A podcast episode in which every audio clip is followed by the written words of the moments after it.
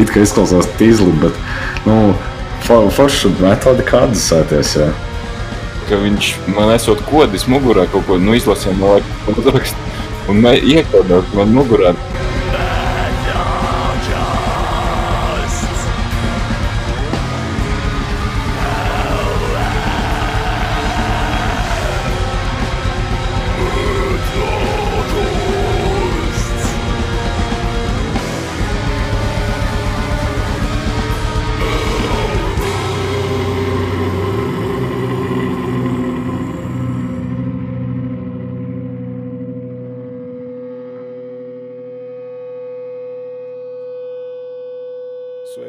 Visiem! Šis ir Metālkās CLV.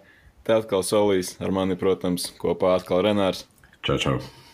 Un šodien tāds diezgan liels jauninājums podkāstu vēsturē, jo būs pirmais festivāla atskats, laikam būtu teikt pareizāk, apskats tas, tas tā drusku dīvaini, laikam skanētu, vienkārši parunāsim tad par to kopējo pieredzi, kā tad tur tas viss gāja un bija, un varbūt šogad lietas ir, nu, protams, citādāk nekā parasti, tad varbūt neķersimies uzreiz klāt tām pašām grupām, bet tad varētu mazliet priekšvēsturi varbūt sākumā sniegt, un es atceros, ka tas jau bija, manuprāt, novembris pagājušā gada, kad tu atsūtīji man to tādu smieklīgu video, kurā tu nofilmēji savu datoru ekrānu ar, ar to biļeti un festivāla datumiem, kas ordināli vēl bija jūnija sākums, un tad tā kā pagriezi kameru un parādīja, kas aiz loga ārā darās. Nu, tur sniegs, protams, vēl bija. Un tad tu teici, nu, pērc biļetes, kamēr vēl tik lētas cenas ir.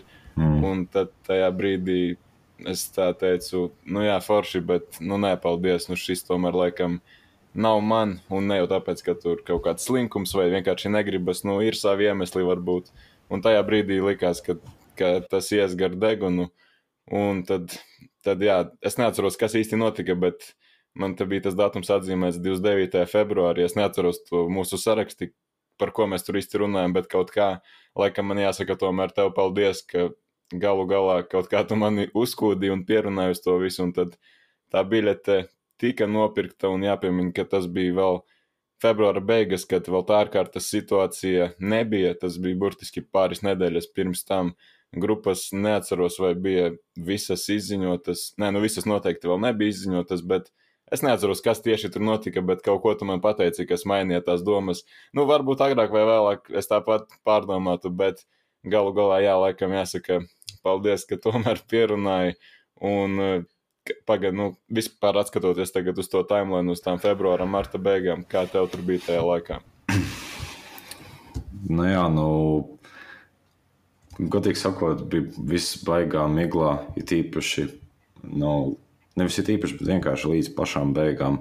Braucot jau uz festivālu, man joprojām neticējās, ka tas viss notiks. Ja?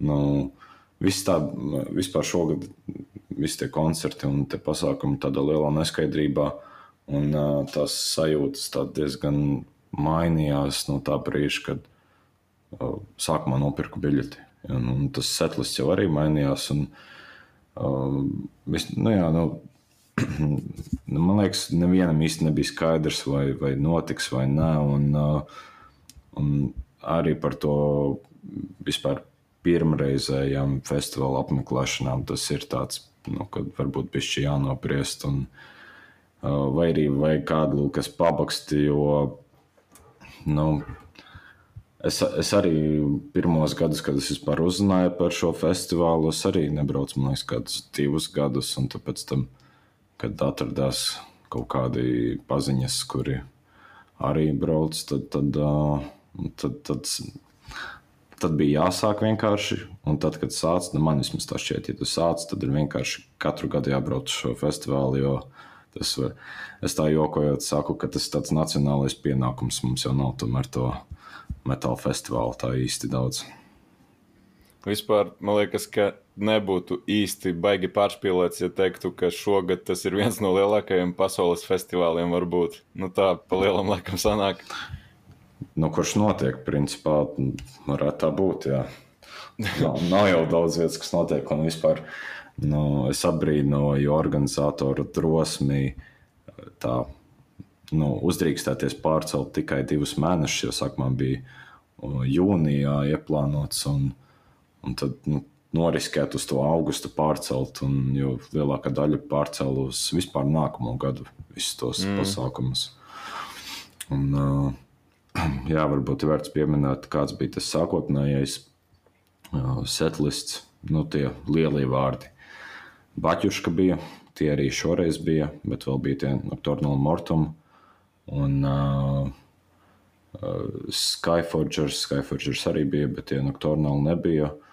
Un uh, Downcross arī nebija tomēr. Jā. Vēl bija, kā saucās, tā. Hors vēl bija. Jā. Kā, kā ORS no Igaunijas, laikam tāds black metals, ja nemaldos arī. Man liekas, no Ukrainas viņi. Ah, jā, pareizi, no Ukrainas. Jā. jā. Urskumungs bija plānots, bet tie, diemžēl, festivāla dienā atcēlās. Nu, tā bija tāda grupa, ko es tiešām ļoti gaidīju. Man liekas, tā kā top trīniekā šajā mm -hmm. gadā. Jā, nu vēl kas tur bija plānoti. Bestie, kuri bija, tad tas Velija un Amai un uh, Lietis.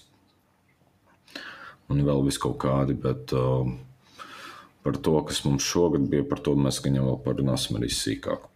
Un, uh, bet tas, nu, saka. Nē, nu, zin kā, likās jau, ka tas tiešām, kad tas festivāls jau tika pārcelts un kad bija skaidrs, ka Ukraiņu un Baltkrievu grupām būs problemātiski, tas laikam, nu, likās tāds lielākais zaudējums, tas Nocturnal Mortum un Downcross arī tāds baigi labais black metals no Baltkrievijas, un tomēr likās, ka baigi stilīgi, ka viņi tomēr paspēja tik operatīvi atrast tādu aizstājēju, kā Harakiri for the Sky. Tajā brīdī likās, ka tas, ka tas tiešām ir tāds pilnvērtīgs aizvietotājs, un tu tā kā drusku aizmirsties jau par tām grupām, kuru nebūs. Bet mm. tad arī bija drusku skrobe, kad trīs dienas laikam pirms festivāla paziņoja, ka vokālists tur ir saslimis laikam un ka tomēr viņi nebūs. Tas arī bija tā drusku bēdiņa par to. Jā, tas, tas arī bija tāds kadrs, kuru noteikti lielākā daļa gaidīja. Un, um, bet, nu, jā, priecājos, ka vispār notika tas festivāls. Nu, es noteikti nenožēloju, ka aizgāju arī uz to, kas tur bija palicis, bet nu, es neteiktu, ka tur bija maz ko redzēt. Tur diezgan daudz interesantas grupas bija. Pavisam noteikti un organizatoriem te lieli un milzīgi komplimenti. Vēl viena lieta, kas drusku tā spridzina manu prātu, tās ir biļešu cenas. Es nezinu, tas ir reāli. Nezinu, vai Eiropā kaut kur vispār vēl jūs redzēsiet tādus nosaukumus par tādām cenām. Ir īpaši tās pirmās biļetes, labi, es saprotu, tajā brīdī vēl nav izziņotas grupas, un tu īsti nezini, kas tur būs, bet tā cena ir super lēta. Vēl, ja mēs runājam par to vienas dienas biļeti uz sestdienu, tas arī tikai par 20 eiro. Nu, tā ir tāda labdarība bez mazvai, un bez mazai kauns maksāt, tik maz gribas drusku pat uzmest pa virsmu, jo tiešām tik, tik demokrātiskas, liberālas vai kādas cenas es nezinu pateikt, bet, bet tas ir bez mazvai kā par velti. Ne? Jā, pilnīgi noteikti tās cenas ir neizsakām izdevīgas un nu, parasti pat. Nu, aptuveni tik liela mēroga festivāliem tās cenas man, man šķiet, ir sākot no 40, 50 eiro. Bet tā, pa, es samaksāju par abām dienām 20 eiro, jo es pašā sākumā nopirku. Nu, tas ir vispār, nu, tas ir kā jebkurš koncerts, tikai uz divām dienām. Nu, un vesela čupa ar visādām foršām grupām. Un vēl telšu vietas ir telšu pilsētiņā bezmaksas. Un, ja tev ir nepieciešams, tu vari arī aiziet ārpus teritorijas pāri. Tev nav obligāti tur jātērē nauda, ja tas ir par dārgu vai tam līdzīgi. Jā, bet vispār tā bija tāda baigi forša sajūta. Nu, man tā bija pirmā reize, un tās kaut kādas divas, trīs nedēļas pirms festivāla bez mazliet bija tāda reāli Ziemassvētku sajūta, ka tu gaidi to notikumu. Katru dienu tiek likta kaut kāda bilde ar ar kaut kādu grupu jaunu, nu, kas vēl nebija izziņota, kas būs. Nu, varbūt oriģināli viņas nebija plānotas kā, uz to pirmo paredzēto datumu, varbūt, kā es pieļauju, viņas jau tikai piemeklētas speciāli, nu, tā kā tā ārkārtas situācijas, piemēram, es nezinu, vai oriģināli tie Ironwings tur bija plānoti, bet, kad to bildi ieraudzīju, bija tāds baigais prieks, tas Raivendirs arī tur bija, tās mm. lietuviešu grupas. Un tā tāda reāli baigi forša tā reāli Ziemassvētku sajūta, ka tu tā katru dienu tā gaidi, un tā gaidīšanas sajūta ir tas foršais. Jā, jo tā jau arī, cik es saprotu, tur daudz no tām grupām bija tādas, kuras, nu, vietējās, piemēram, kuras gribētos redzēt, bet nav īsti vēl sanācis. Mm. Jā, un vēl, vēl arī bija nu, tā mīklaina sajūta ar visu to, ka tas setlists nu, netika īsti izziņots nu, tā laicīgi, jo nevarēju arī saprast, kāds viss izvērtīsies. Bet man liekas, viņš kaut kur 4. vai 5. datumā tika izziņots tikai nu, tas, tā, tā grupu secība, kāda būs. Un, Programma tā kā ar tiem visiem jā, laikiem. jā, jā, jā. Un runāju arī, ka varbūt tas sāksies viss tur ātrāk, vai arī nu, tas tā grūti bija varbūt tās saplānot to laiku kā apmeklētājiem, bet uh, nu, tāpatās, manuprāt, galvenais, ka vienkārši notika tas viss. Un, un, jā, nu, par, par tām pašām grupām runājot, nu, es nezinu, man liekas, tur īsti nav ko pārmest. Viss bija tā tiešām forši, un tad gan jau mēs sīkāk drīzumā runāsim par to. Paklau, bet kā tur tad galu galā bija, vai palika tas uh, limits, ka tie tūkstoši cilvēki, vai tomēr viņi tur pēdējās dienās pacēla, ka varbūt vairāk? Nu, pēc, pēc, man liekas, oficiāli tika izziņots kaut, kādos, kaut kādās internetu vietnēs, ka vispār tas koncertu apmeklētāju limits tiek palielināts, un arī ārtelpās, man liekas, jau limits pārtapa uz 3000 sanāk pēdējās dienās. Mm -hmm. Gan jau vēl cilvēki sapirka tās biļetes, un cik es padzirdēju, tad tur aptuveni bija tūkstoši pus cilvēki. Mm -hmm. Tā kā diezgan daudz bija apmeklētāji. Un es vēl gribēju te pajautāt, kā tev vispār, nu, kā, kā, kāds vispār ir tas pirmais iespējas par uh, festivālu salīdzinoši ar koncertu, vai tev vispār, nu, sanāca tā dabūt no tā, ko tu vēlējies, tā varbūt sajūta ziņā vai kaut kā tam līdzīga? Nu, reāli viss bija super, fantastiski sanāca. Viss laikam pat labāk nekā cerēts, jo, nu, zini, pirmā reize ir pirmā reize, tu tā baigi nezini, ko gaidīt, ir tāda drusku tāds uztraukums, jo tu nezini, kas tur būs, kā tur būs un kā tas viss ies, bet, mm. bet jā, galu galā tas, tas viss bija tip top, bet tad varbūt noslēgumā drusku par to vairāk, bet, Labi. bet, bet vispār, jā, tu vēl gribēji mazliet par to tādu informatīvo pieejamību festivālu parunāt, un tas mani arī drusku pārsteidza, ka, ka tā, nu labi, Facebookā tā, tā reklāma bija palielam, ja tu šo mūziku klausies, tad noteikti, ka tu par to zināji, bet pārsteidza varbūt tas, ka par radio nebija kaut kādas reklāmas, vai vismaz es nedzirdēju par tām stācijām, kas tā mainstreamā vairāk tā teikt skan pa televizoru. Nezinu īsti neskatos, grūti teikt, bet pieļauju, ka, ka nekas arī baigi nebija. Cik bieži un kur tu vispār saskāries ar to tādu festivālu, kādu plakātu vai flyeri pirms tam, nezinu.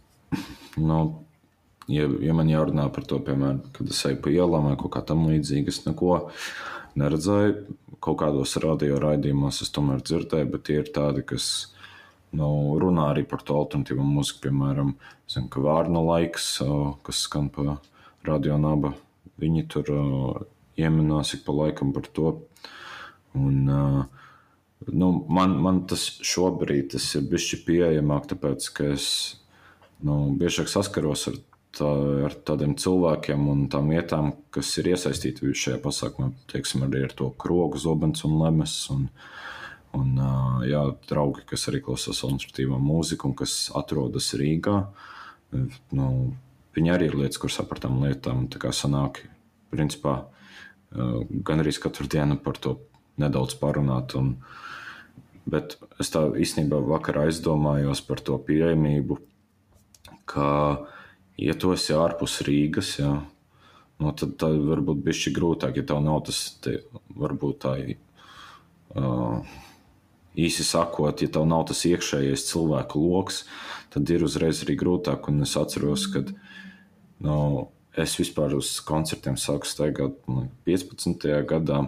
Un, nu, man liekas, es kaut, līdz kaut kādam 16, 17 gadam pilnībā par par tādu lietu nezināju par šo festivālu. Un, jo es, nu, es tajā laikā vēl Rīgā nedzīvoju, un es izmantoju draugiem LV, es Facebook neizmantoju. Mm -hmm. Un, uh, tad, tad bija kaut kāds periods, kad man liekas, visiem tie draugi jau kaut kā sāka izmirt, un tur palika neinteresanti. Tur pasākumi arī vairs netika publicēti. Jo ar viņiem es toreiz uzzināju par to Parkway Drive konci.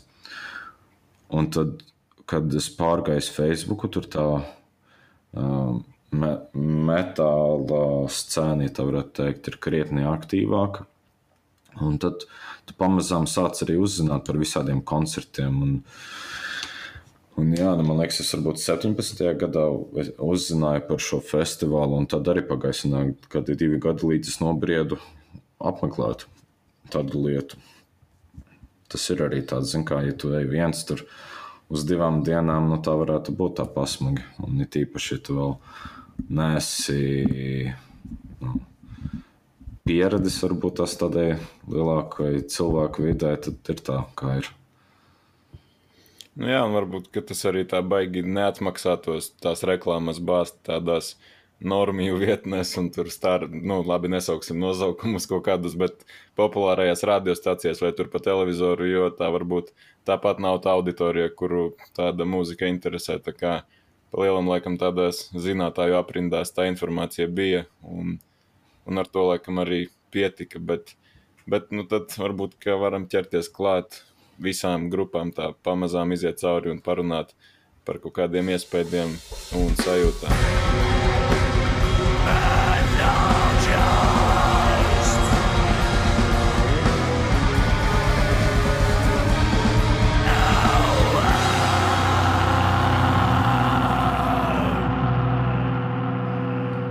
Vispār, tad, cikos jums sanāca tajā festivāla teritorijā ierasties tur visu sačinīt? Ja, nu mēs, es ar uh, savu bariņu, vismaz daļu no bariņa, mēs braucām ar busiņu. Šoreiz tas sanāca pagājušajā gadā ar autobusu. Mēs atbraucām kaut kur kādus desmit pāri četriem. Uz principā uz ieejas atvēršanos.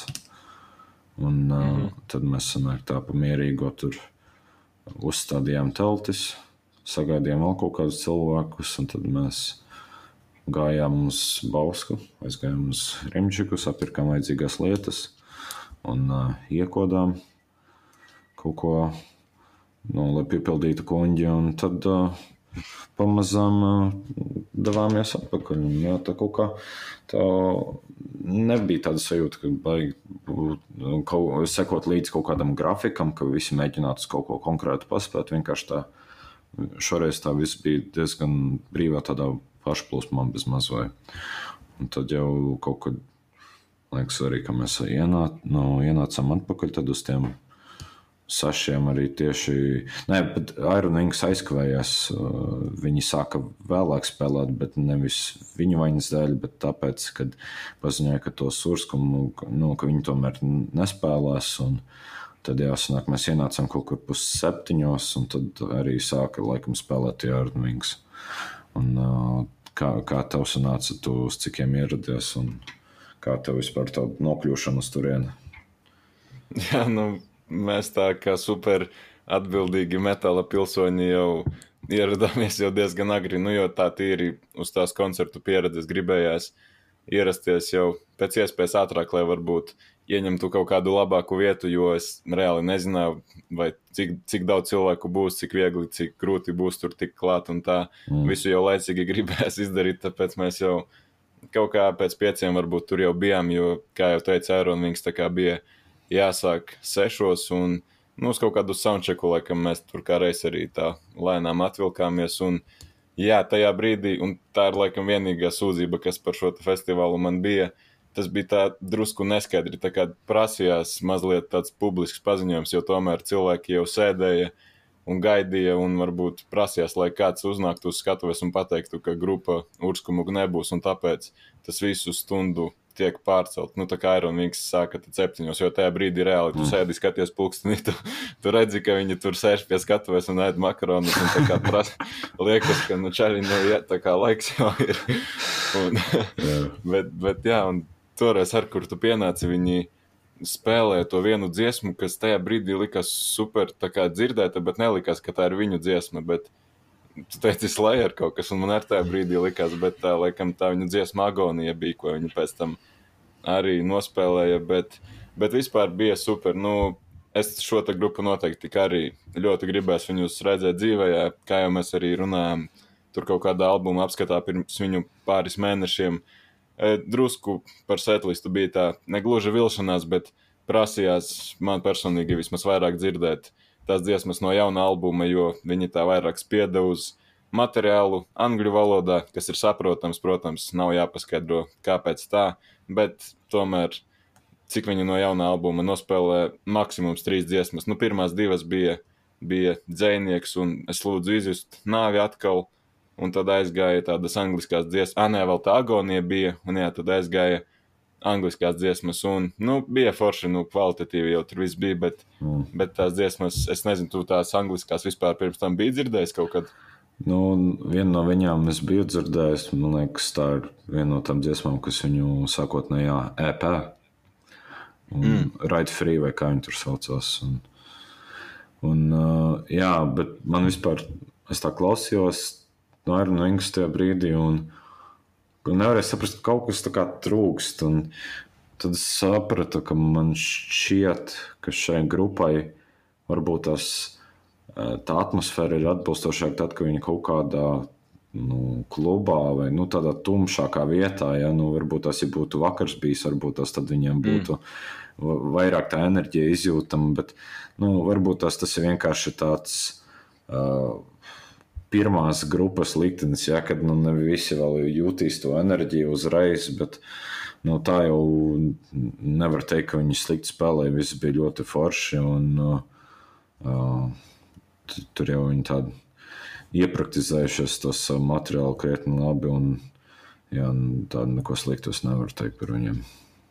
Man īstenībā mazliet pārsteidza, ka ieraugot to programmu pirmo reizi, ka tieši viņi bija ielikti šajā te atklājēju lomā. Nu, varbūt jā, tā par tieši mūzikas žanriem runājot, varbūt tas nav tāds tipiskākais, ko no šī festivāla laikam varētu sagaidīt. Varbūt tāpēc tāda izvēle, bet uh, Bet nezinu, man jau likās, ka, ka diezgan forši viss bija. Ah, jā, un tā vēl viena lieta, par ko mēs, uz kuru jautājumu mēs atbildi tā arī neatradām. Tad es ielikšu tādu mazu audio fragmentu, kurš tika ierakstīts ar telefonu. Tas noteikti, ka, ja kāds zina, tad tas arī zinās. Bet visu laiku pa tumbām skanēja kaut kāda super labā latviešu grupa, kas likās kaut kur tā kā dzirdēta, bet mēs tā kā galu galā neatšifrējām, kas tie tādi bija tāds kaut kas uz tādu desmitāla pusi latviešu valodā. Ja kāds varētu atbildēt uz šo jautājumu un pateikt, kas tā bija par grupu vai kas tas bija par albumu, tad tas būtu ļoti, ļoti novērtēts. Un tad jā, tagad tāds mini audio fragmentiņš, lai, lai jūs saprastu, par ko tā runa ir.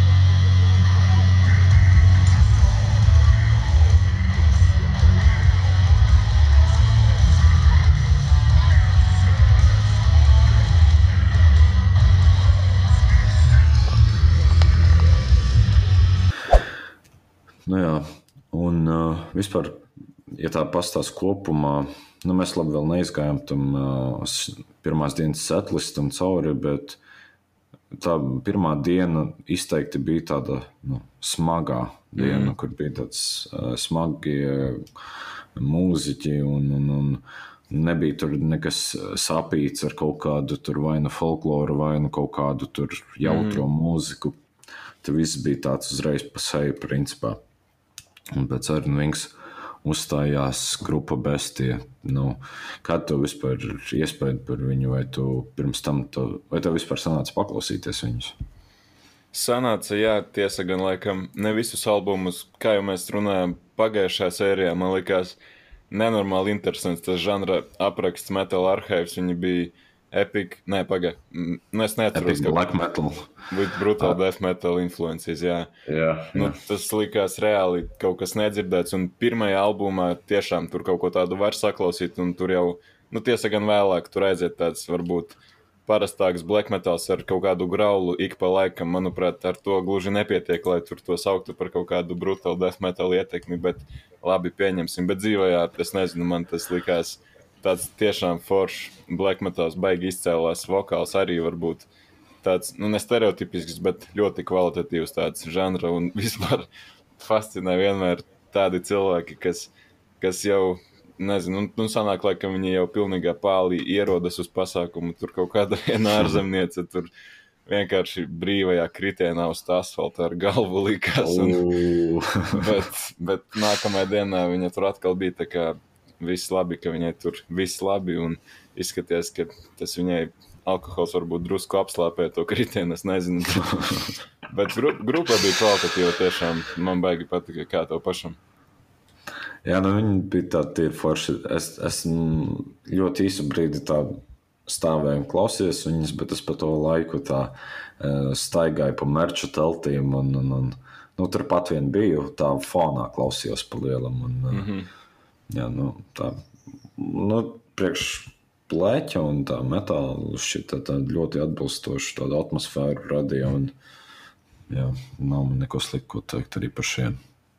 Vēl tā vispār viena tāda interesanta lieta par šo festivāla atmosfēru, ka, ka gluži tu nevari kā grupa izdarīt tā kā pirms koncerta, piemēram, pārbaudīt to savu skaņu, kad reāli zālē nu, vai laukumā cilvēku nav. Tad tev drusku zūd varbūt tas pārsteiguma efekts. Tu jau redzi, kā tās grupas uznāk, tur pārbauda tos instrumentus. Un bija drusku rēcīgi, ka nu, tu dzirdi grupē, tur tāds bļaujošais, tāds, tāds bailīgais vokāls, bet, bet kad viņi tur pārbauda to skaņu, viņš tur tā kaut ko runā, runā, un tad tā more echo, please. tādā, tādā, tādā, nu, tādā smieklīgā balsī to pasaka, un tad uznāk pēc tam uz skatuves un bļauj. Tas tā, nezinu, varbūt, zin kā liktos, varbūt, ka kaut kādu aizkaru prasās drusku priekšā, lai tomēr tā drusku tā mistika saglabājas, bet, bet, bet nē, nu, to var saprast, tomēr ir kā ir. Jā, jā. Es par nedaudz piebildīšu par tām mērķu teltīm. Nu, es nezinu, cik uh, klausītājiem sanāca viņas apmeklēt, un vai vispār bija interese par tādu lietu, bet mums tur stāvēja arī flyeru kaudzīte. Un, un, un, uh, jā, nu, es godīgi sakot, pat nezinu, cik cilvēku viņas ir paņēmuši, vai vispār kāds paņēma. Jo trešajā dienā jau tās teltis viss bija ciet pēc skafudžera, tā kā es nu, nesnāca apskatīt, kas tur palika pāri. Bet, jā, nu, ja kādam interesē, tur varbūt tas kaut kādas uzlīmes, un, un varbūt tās arī tie paši flyeri, tad varbūt tās uzrakstiet, jo mums vēl ir nedaudz palicis. Un, uh, jā, un tad sanāk pēc tās besties, turpinot, nu, bija, bija jābūt tam urskumam, kurš Jā. nebija.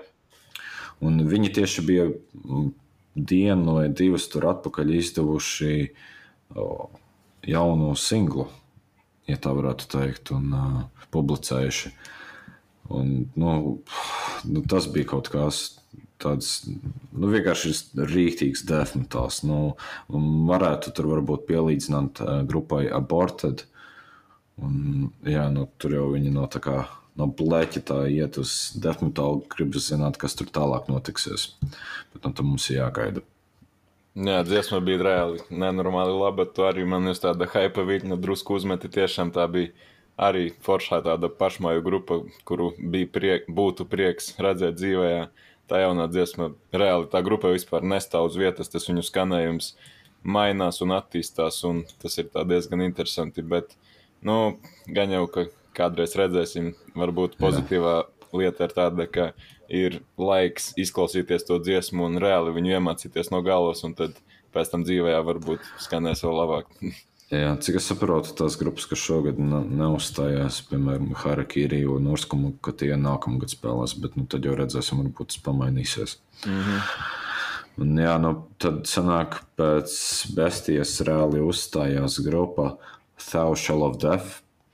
Nu, es, es viņus paklausījos pirms, pirms festivāla. Un, nu, jā, nu, es sapratu, ok, tas būs tāds depresīvais bleķis, kaut kādi industriāli elementi. Nu, tā ļoti neitrāls sajūta bija. Mm -hmm. Bet pašā koncertā nu, mēs, mm, cilvēki, ar kuriem mēs tajā brīdī bijām, mēs bijām ļoti, ļoti, ļoti patīkami pārsteigti par šo grupu. Un, nu, atmosfēru viņi nenormālo izveidoja. Tā, nu, dzīvē noteikti tas izklausījās krietni labāk. Un, man liekas, uzreiz pavērās bija savādāks skatījums uz to viņu materiālu. Un es domāju, mm. ja es tagad digitāli klausīšos, man nu, būs varbūt tās vairāk tās sajūtas, ko es guvu festivālā. Jā, es pilnībā piekrītu par, par to komentāru, ka, ka dzīvē tas viss skanēja reāli savādāk par šo grupu vispār runājot, arī pirms tam klausoties es nezinu, vai ir kādreiz man tāda vispār grupa bijusi, kuru klausoties, es jūtos tik, tik nērti. Es nezinu, viņi man tādu super baisu un reāli es nevaru jā. atrast tādus vārdus, bet tie viņu uh, un au. jā, jā, viss tas piedzieni. Tu tava fantāzija tā kā sāk drusku strādāt, tās dziesmas ir tādas super garas un tādas rituālistiskas, nezinu, plūstošas. Jā, un tas, tas radīja super nērtu atmosfēru, un es tā gluži nesapratu, kā tas strādās dzīvē, bet, bet tas viss skanēja tiešām tā draudīgi un pavisam tā smagāk diezgan skanēja dzīvē arī, un tas viņu tāds bailīgais tēls diezgan, un sākumā vispār likās viņu tur pusstundu bez mazliet no vietas, bez pauzēm spēlē, jo reāli tās dziesmas ir super garas. Un beigās arī vienīgais, ko pateica, bija thank you. Pa vidu tur nekādu filleru runas, nekādas garās neaizgāja. Nospēlēja, pateica paldies un nogāja no skatuves, un tas bija tā forši. Varbūt drusku vienveidīgi, varbūt tas tāpēc, ka tās dziesmas ir tik garas, bet, bet, bet tiešām labs iespējas par viņiem palika. Tā es gaidu kaut kādu tagad arī jaunu materiālu būs jāpasako tai grupai, tagad tā vairāk arī. Jā, jā, un arī vēl tas, kad nu, es, man vispār laikam sajūta pie tās grupas pozitīva, ka tie ir tajā atmosfēras sajūtā, nu, tad, mm. tad viss tādā arī pašplūsmā iet, un vienkārši mēs tur nezinu, 20 minūtes no vietas. Tur, man liekas, aplī headbangojām, ja tā bija tā grupa, vai arī pie Baķiškas. Bet nu, šeit arī bija tāds moments, kad tur uh, rīktīgi ievilka. Jā, nu tad arī sanāk, ka, ka palika pēdējā grupa, Batuška, kas bija ceturtā grupa, noteikti, ka to situāciju baigi laikam viņu nav vairs jēga stāstīt, jo pa lielam cilvēki jau zina, kas tur ir noticis, bet nu šie ir laikam tie, ko sauc teikt, par trūbačuška, ja īstie.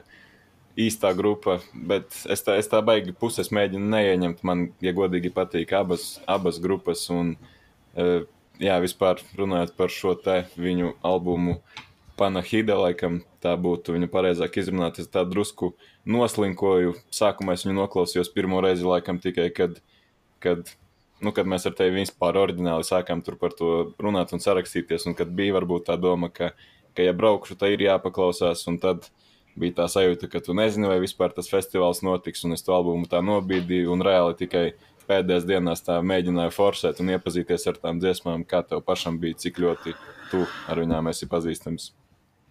Jā, nu es pirms šī festivāla noklausījos ab, abas baķus, kas gribēju vēlreiz iegūt tādu varbūt skatījumu un uh, spēju salīdzināt to visu.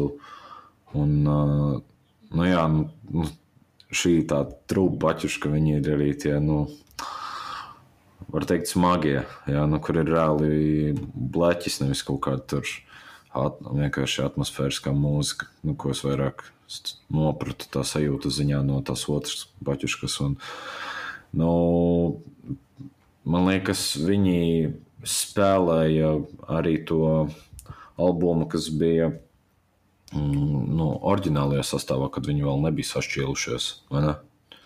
Nu, reāli, ja es pareizi sapratu, tad viņi nospēlēja pilnā garumā to Panahīda albumu un tad nospēlēja divas dziesmas no vecā albuma. Bet reāli, ja mēs paskatāmies uz to setlista garumu, tad viņiem bija paredzēts stunda 15. Nu, tā kā teorētiski sanāk, ka viņi varēja uh, nu, no vecā nospēlēt nu, vismaz 4, 5, varbūt dziesmas. Labi, viņi tur nokavēja sākumā arī kaut kādas apmēram 10 minūtes, bet, bet nē, nu, vispār runājot par to grupu, Un vispār bija forši, ka kaut kāda visu cieņu čalītim, kurš pēc kaut kādas trešās vai ceturtās dziesmas mēģināja aizsākt čentu, jo mēs esam un būsim tie labākie.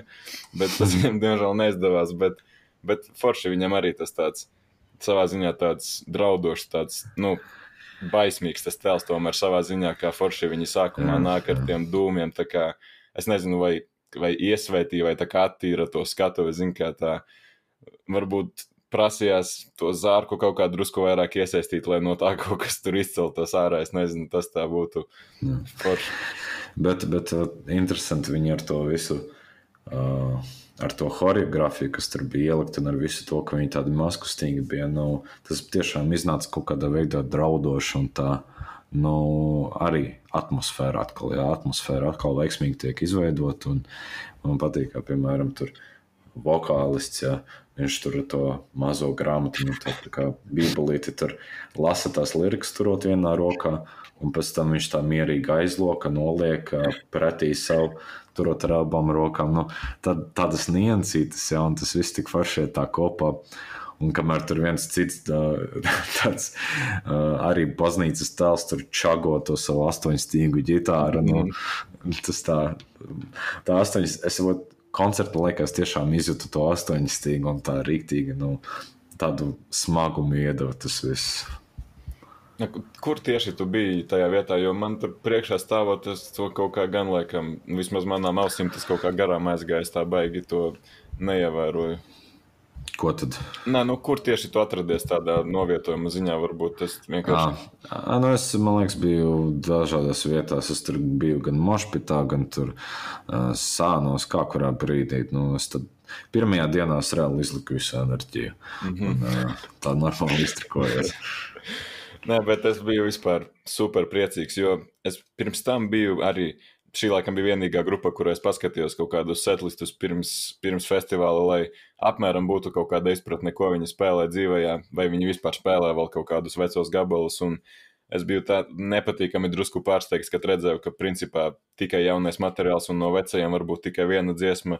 Un kad jau beigās izskatījās, viņi nospēlēja to, ja karnēja laikam viens, un tad jau likās, laiks tā kā vēl ir, bet viņi tā kā jau taisās nost, un es ļoti gaidīju, ja karnē trīs, nu, manuprāt, tā ir viņa foršākā dziesma. Un tad, kad tu dzirdi beigās, ka viņi sāk to zvaniņus, tad tā iekšējā tāda, tāds atvieglojums, ka, yes, šī tas būs, un tad arī viņš tur to zvaniņus tā ar vienu roku pas, nu, pa, pazvandzina, vai kā pateikt, un ar otru rāda, tā kā, nu, mēs tur priekšā stāvam plaudējam, un tajā brīdī, nu, nereāli tas bija tik forši, tas tas, man liekas, viņu labākais rīks, kas aiziet tur. Sākumā ir tāds atmosfēriskais, kad visa grupa kopā un tad tas ģitāras tāds foršais, plūstošais. Nu, tad bija tāda pilna laime par to grupu un likās, ka forši un ar to tad arī viņi noslēdza to savu uzstāšanos un jā, bija baigi forši. Bet tā jau vēl tā situācija ar to grupu nenoslēdzās ar koncertu, vai ne? nu, jā, es tā forši bija, kad vēl sanāca dabūt tādu suvenīru, tādu mazu baznīcas svecīti pēdējo. Ja es pareizi sapratu, viņš tur tā beigās jau visas izdalīja, stāvēja, tur tās pāris rokas bija izstieptas, viņš tā nevarēja izšķirties, kur, kuram īsti dot tā no malas uz malu skatās, skatās, un tad pasniedza man, nu tas tā, jā, es nezinu, dedzināt viņu vai nē, un tad beigās arī iznāca viņš tur fotografēties ar visiem. Laikam nebija pārāk daudz cilvēku. Nu, nu bija, protams, tāda rindiņa tur, bet uh, visiem viņš ar tam nu, ar to savu masku tādu melno fočējās, bet tad, tad, kad pienāca mana kārta, tur vēl kaut kāda viena meitene viņam pienāca no aizmugures kaut ko paprasīja, viņš to masku noņēma, un tas sanāca arī, jā, nobildēties arī ar Batjušku bez maskas, tā kā tā tāda arī forša atmiņa, kur es tā īsti baigi nebiju uz to cerējis, tas varbūt arī nebija gluži manos plānos. Ah, un jā, nu, protams, arī disku sanāca parakstīt, un tas tā interesanti tam diskam aizmugurē, uh, Es tā, godīgi sakot, neizpratu. Manuprāt, viņi skaitās tāda super reliģiozā grupa, bet tas krusts aizmugurē uz diska ir pārgriezts tā kā otrādāk. Nu, uh -huh. pra, Parasticīgo krusts. Jā, tā kā es to drusku īsti neizprotu, kāpēc tas ir tā. Varbūt kāds gudrāks cilvēks var man to paskaidrot, bet, bet tas, tas, tas tāds arī foršs suvenīrs būs un to disku tagad noteikti, ka klausoties sajūtas jau būs pavisam citādākas un arī tās dziesmas tagad jau varēs mēģināt iepazīt drusku vairāk un atcerēties šo te visu. Bet, nu, tā, tev laikam arī tas, tas ar, ar to viss nebeidzās. Un, Jā, nu, tad sanāk, es tā godam noklausījos visas grupas, pēc tam mēs tur aizgājām. Mm, pavadīt laiku ārpus teritorijas, par cik tur pēc 12. monētas netirgojumu mums bija bišķi. Mēs bijām sagatavojušies, un tad nu, beigās iznāca tā, ka es biju diezgan veģetatīvā stāvoklī. Bet, nu, jā, un tad pēc tam nākamajā dienā es gan nedzēru, es vienkārši tā atkopos un mēģināju izbaudīt mūziku, bet es arī, nu, es biju paskatījies priekšā, tur pie, kad Rivenders uzstājās, kas jau bija trešā grupa.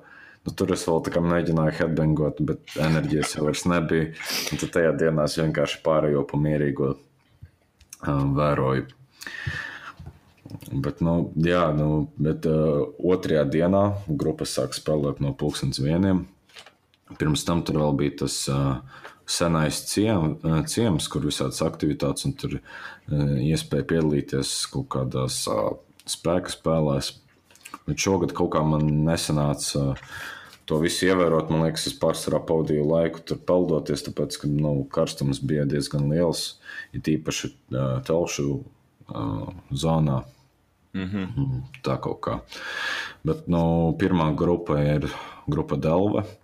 Kā, kāds tev vispār tas iespējas radās par viņiem? Jā, nu, vispār Tā pagaida, pēc nu, pirmā diena man noslēdzās ar tādu jogu viesnīcas numuriņā vienos naktī, lai nākamajā dienā būtu arī kaut kāda spēja funkcionēt. Un īsti uz tām pirmajām divām grupām varbūt oriģināli tā nebija baigais plāns tur iet un klausīties. Mēs tā mierīgi tur īpaši nesteidzoties ieradāmies, bet nu palielam sanāca uz to pirmo grupu ar ierasties Delve. Nu, pirms tam biju drusku paklausījies, tas, es pat nezinu, tāds latviešu folk mūzika, laikam viņus tā pareizāk būtu nosaukt. Kā, kā Jā, drīzāk. Mm. Jā, nu tajā brīdī, kā tu saki, nu laiks bija, laiks vispār, nu bija super fantastisks, laikam, varbūt pat pārāk labs, es nezinu, nu tiešām par to nevar sūdzēties. Es ne, gluži nevaru iedomāties tagad, kā piemēram būtu, ja reāli visu dienu līst lietus un ir tāds apmācies un nomācies laiks. Nu, šis bija tiešām super. Un, uh, sanāca to pirmo grupu tā paklausīties. Nu, es neesmu beigas tādas mūzikas fans, bet es varu novērtēt to, ko viņi dara. Un mm. likās jau it kā tīri normāli. Jā, vispār par tiem laikapstākļiem runājot, tā liekas, nu, ja jau mums tur visiem uz tā asfalta karsti, kā tur tiem mūziķiem, kurus tās tumšās skatuves tur stāv uh, saules gaismā, viņiem gan jau arī tur diezgan ja, ko pacīnīties, lai izturētu to stundiņu vai cik kurš tur katrs spēlē. Mm. Bet vispār jau, uh, man liekas, pat nedēļu iepriekš jau ir kā solīja lietaini un tam līdzīgi. Un viss jau nu, likās, ka nu, šis festivāls būs tāds slapdraņķī jāpavada, bet nu, tomēr beigās bija vienkārši karstas dienas, abas mm. divas. Jā, nākamā grupa vispār, godīgi sakot, bija diezgan interesanti. Es biju pilnīgi pārliecināts, nes, kāpēc, ka tā ir Igaunijas grupa. Un kad tā meitene sāka runāt latviešu, sākumā bija tā, jau tā Igaunieta labi runā latviešu. Bet tas man tikai pielica, ka tas jau ir kaut kur drusku dzirdēts nosaukums. Tas sanāk pašmāju gotiskā roka grupa Everlast. Jā. Kā, kā tu viņus? Gotiskais roks, laikam, jā, kaut kas tāds. Nu jā, kaut kas to pusi. Nu, man viņš šobrīd nesanāca dzirdēt koncerta laikā. Um, bet, nu, kā, kā, kā vispār šķiet, nu, festivālam atbilstoši koncertā labi vai kā? Nē, nu, zinu, ka es varbūt izklausīšos pēc baigā krāna kaut ko tādu sakot, bet reāli tas ir kompliments grupai, tas, ko es mēģinu pateikt. Bet, e, Viņu oriģinālās dziesmas angļu valodā ir labas, un es tā ikdienā varbūt neko tādu baigi neklausos. Tā kā es labprāt tā paklausījos un likās diezgan forši, bet es arī tev vispār gribu paprasīt to viedokli par, teiksim, grupām, kas izpilda coverus. It īpaši tā varbūt pat bija otrā dziesma, viņi nospēlēja to Cranberries dziesmu, zombiju, un izpildīšanas kvalitāte tiešām viss super, un varbūt, ja uz to paskatās no tādas puses, ka, nu, to dziesmu reāli es vairāk citur nekur dzīvē ne, ne, nu, nedzirdēšu un neredzēšu oriģinālajā sastāvā, tad, tad bija forši, ka kāds cits to nospēlē un tā. Bet, bet es domāju, teiksim, ja tu esi tāda grupa un tev ir savs oriģinālais kaut kāds materiāls, un uz tevi tur stāv skatās tās jaunas acis un jauni potenciāli klausītāji, kāds īsti ir tavs mērķis izpildot tādus coverus, vai tu kā mēģini panākt to sajūtu, ka cilvēks kaut kur tālumā dzird kaut ko tādu populāru un pazīstamu, un viņš tā kā atnāk te paklausīties, vai kā es īsti nezinu, bet man prasījās kā, vairāk no viņiem kaut ko dzirdēt. Un kad viņa vēl pēc tam pateica, ah, nu mums tur būs vēl coveri, tad likās, nu, spēlēt labāk savas dziesmas, jums tīri labi sanāk. Kā tu uz to skaties, uz to, ka dziesmas tā, grupas tādā salīdzinoši īsā laikā, nu, kas tev tur ir tās 40 minūtes, ka, ka viņi mm. ieliek tādas nu, pazīstamas dziesmas no pazīstamām grupām? Jā, nu, man liekas, būtiskākais, lai viņi to parāda ar savu piesitienu, ja tā varētu teikt. Nu, mm. Lai nebūtu tā, ka viņi vienkārši replicē kādu dziesmu, bet lai viņi parāda, kas viņi ir, kaut vai spēlē to, to citu izpildītāju dziesmu. Bet, nu, ja, ja ir tāda nepilna stundiņa, kad tu, tev ir iespēja parādīt sevi, lai piesaistītu vairāk acis, varbūt tiešām vajadzētu uzsvaru likt uz savām dziesmām. Nē, es jau nezinu, varbūt viņi skaitās laikam salīdzinoši jauna grupa, un varbūt tā sava materiāla arī nav tik daudz. Es, es tā nezinu, es varbūt pieļauju, bet, bet nu, labi, viens covers kaut kur uz beigām, ok, bet, bet divi jau likās drusku pēc daudz. Bet, bet es saku, tas ir tāds kompliments, drusku krāniski izklausās varbūt, bet, bet jo, jo nu, izklausījās talantīga grupa. Un, dzīvē arī tāda varbūt tas gotiskais roks tā drusku smagāk skan nekā vienkārši ierakstā. Tāpēc Bet nu, tā Land of Dreams, laikam, viņiem tā bija tāda viena no viņu foršākajām dziesmām. To kaut kad vajadzēs uzmeklēt un paklausīties. Bet, bet tā nākamā grupa arī noteikti bija viena no tādām pašmāju gaidītākajām grupām. Ne? Jā, pilnīgi noteikti. Nākamā grupa bija Rivendir. Liepājas tāds defmetāls, nedaudz melodisks, bet nu kārtīgs defmetāls. Un uh, tas tas bija, varētu teikt, otrās dienas smagākais mm -hmm. izpildītājs. Nu, bija, visiem bija tāda, varbūt, tās nesapratne, kā viņi aizpildīs to laiku, jo viņiem ir publicētas tur tās, cik divas, die, fu, četras dziesmas, vai ne? Jā, tas viens EP. Un, uh, cik es neatceros, vai, vai tur vai arī bija jaunas dziesmas. Man liekas, tur bija kaut kādi pāris coveri vai ne. Un uh, nav tā enerģija, kas tur bija izlikta, nu, tas bija iespaidīgi. Viņam varbūt arī nedaudz tāds aborted piesitiens un varbūt amona marta mm. vēl.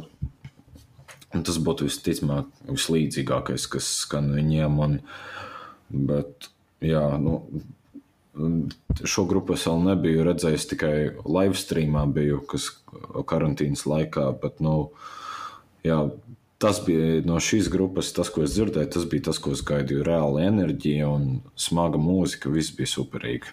Vienā brīdī kaut kā viņiem tur neizdevās dziesmu nospēlēt, kaut ko viņi tur saputrojās, vai, vai, vai kaut kas bija ar tehniku, nevarēja saprast, bet viņi sāka par jaunu.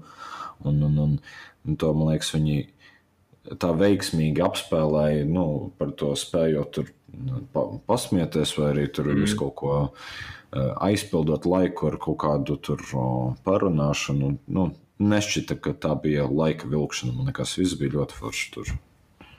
Jā, es arī biju reāli safanojies par tām četrām dziesmām. Pirms, pirms festivāla biju tā rīktīgi viņas ieklausījos un baigi gribēju dzirdēt arī uh, dzīvajā un vispār, lai Dievs svētī cilvēkus, kuriem ir gari mati un kas priekšā griež tādas dzirnavas, jo man tādi ventilatori baigi patīk no abām pusēm. vispār stāvot, klausies, tev tā forši vējiņš nāk virsū un par grupu runāt vispār. Tā, tā forši bija redzēt varbūt arī kaut kādu dinamiku skatuves pēc, nu jau pagājušā dienā Thou Shell of Death un Baciuška, nu principā tā statiski stāv, bet te jau čaļi tur pakustējās, palēkāja apkārt, nu vokālists arī tā diezgan mēģina iesaistīt publiku, kaut ko tā pākstās un parunā. Jā, man liekas, tā arī bija tomēr tehnikas vaina, kaut kas tur aprāvās. Tam, manuprāt, tieši vokāls pazuda vienkārši pēkšņi, un tad viņi to dziesmu sāka no jauna spēlēt. Bet, bet jā, forši, forši tiešām laikam no otrās dienas noteikti tāda smagākā grupa un palika pozitīvas atmiņas. Tikai, nu, vēl bija interesanti uh, tas tāds vecītis, kas tur bija ticis pie pašas skatuves, kas tur baigi arī mēģināja uzkurināt publiku, tad viņu tur apsargs izdzina ārā, un tad it kā es tā sajūtu, ka kaut kas, viņš laikam pienāca no muguras, un tā es jūtu, nu, ka es tā īsti nevaru saprast, bet man likās, viņš tā kā man kreklā ieķeras un mēģina kā mani novilkt nost. Nu, varbūt es domāju, Iesprāgties viņš mēģināja, es redzēju to momentu. Nu, jā, bet es tajā brīdī domāju, zinu, ka es varbūt esmu drusku pa garu viņam, jo viņš tāds sīks neko neredz, un viņš mēģina kā man parādīt to, ka, ej, nu, paliec man priekšā, bet es domāju, ej, tak tu vispār tur prom, es domāju, nu, vispār, nu, jā. Cita vieta arī ir. Es tā kā jūtu kaut kas tā kā, nezinu, nagi vai ko, nu viņš tā likās, ka ieķeras ir, bet pēc tam Ilze teica, ka viņš man esot kodis mugurā kaut ko, nu uzrakstu, un iekodot man mugurā, nu es tā baigi to nesēdu, bet, bet, nu, varbūt viņš tur salietojies kaut ko bija vai, vai kā. Nu, viņš bija riktīgi garīgs, tas bija skaidrs. Bet, nu, jā, un kaut ko tas laikam bija viņš, kas tur tādas nekorektas lietas par liepāju tur bļāva arī, ne? Vai tas bija kaut Jā, jā, jā. jā. Nu, tāds interesants personāžs vispār, bet, bet jā, nu, Rivenders, vispār man liekas, mēs tā nepareizi izrunājam to uz nosaukumu, laikam viņi Raivendi ir pareizi izrunājis, ja es tā sapratu. Iespējams, nezinu. Bet es noteikti no viņiem gaidu vēl materiālu, un es ceru, ka kaut vai to pašu EP viņi izdos fiziskā formātā. Mm. Tas būtu tiešām forši. Man pat nesanāca īsti pie, pajautāt, vai kaut kas tur ar to notiek, vai ir kaut kas vai nav. Un, bet, nu, tagad jau tas sociālajos portālos redzēs. Un, starp citu, runājot par šo pašu grupu, es pirms brīža Facebookā uh, tinu un tur redzēju, ka uh, tur bija rīktīga ķēdīte tās grupas laikā, kad tur uh, zemē sēdēja un airēja cilvēki. Jā, jā, tas Es koncerta laikā nepamanīju. Es biju pilnībā koncentrējies uz to pašu grupu, tur priekšā stāvot. Mm. Nē, liepainieki bija, bija super. Tad gaidām no viņiem kaut ko jaunu. Un nākamās jā. divas bija tādas lietuviešu grupas, un, laikam, tā atklāti sakot, tā grupa Lietis, vai kā viņi paši saka, Lietis.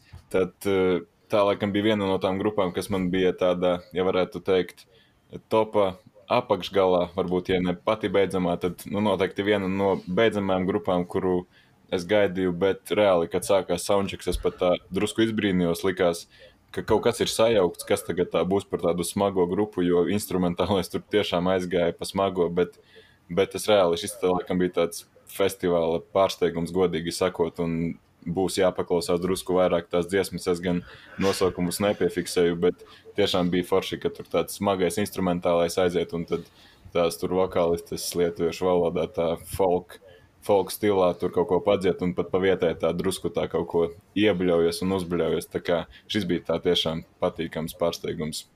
Mm. Jā, un uh, par, nu, par šo grupu man nav ko piebilst. Ulka Nosa Tur man arī no ko piebilst. Viņa zinīgi bija paklausījies pirms festivāla. Mm.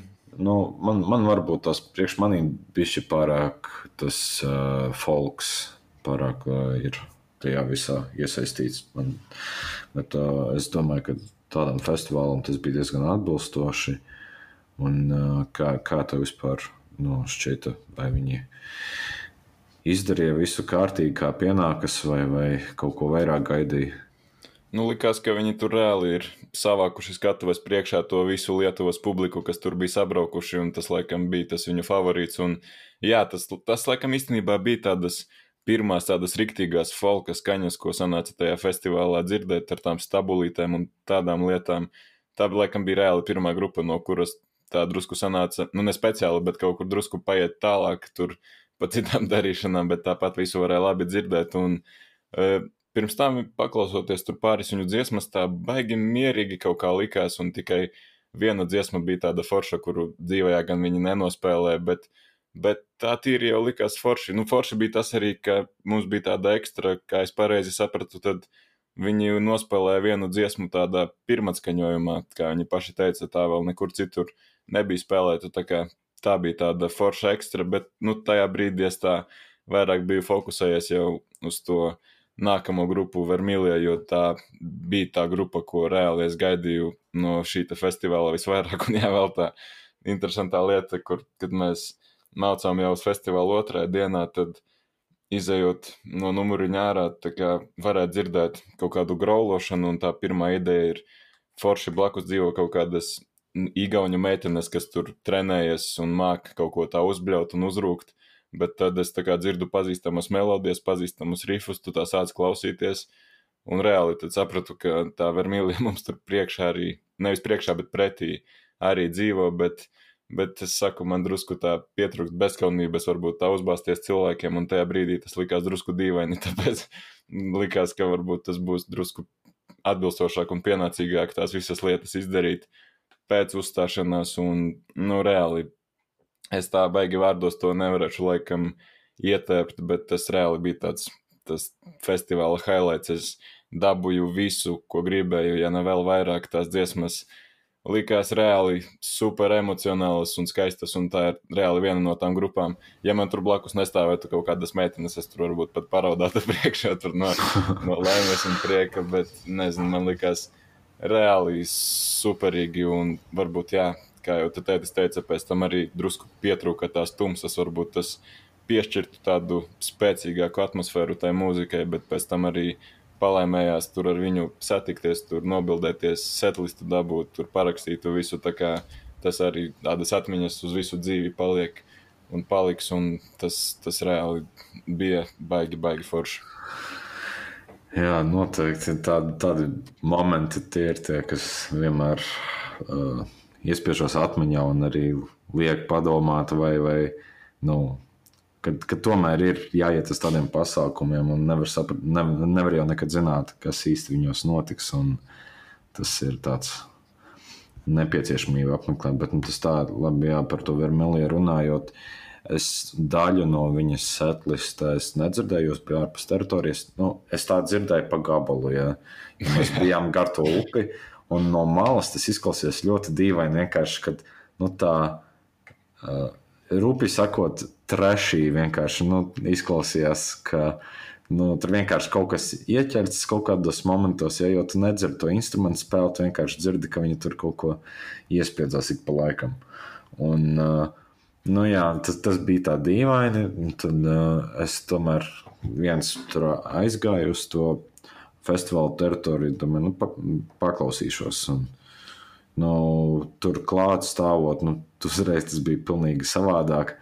Nu, nu, kā tu teici, ļoti, vienkārši skaista mūzika un uh, to visu tā ļoti prasmīgi kombinēja tās dažādas vokālas, tos instrumentus. Un, nu, ļoti, ļoti, ļoti veiksmīgi tas viss, manuprāt, iznāca. Un, uh, Ziniet, kā tomēr bija tā sajūta, ka, ka tā varbūt pat tāda viena no nenovērtētākajām festivāla grupām bija. Jo arī tā likās, ka nu, pēc tiem ukanosiem tie leši kaut kur tā paklīda un varbūt cilvēku bija tā drusku maz, varbūt tāpēc, ka nu, viņi skaitās tāda varbūt salīdzinoši nezināma grupa. Bet vispār tā padomājot, šeit tā diezgan padauz to vienu cilvēku projektu, tā, jo uh, nu, teorētiski Baķuška ir viena cilvēka projekts, tas pats Dau Shell of Death, ja es sapratu pareizi, ir tikai viena cilvēka projekts, Vermīlija. Nu, protams, uz skatuves ir pilna grupa, bet reāli mūziku to visu ir tikai viens cilvēks radījis. Un, jā, nu, es neesmu super lielākais skaņu eksperts, bet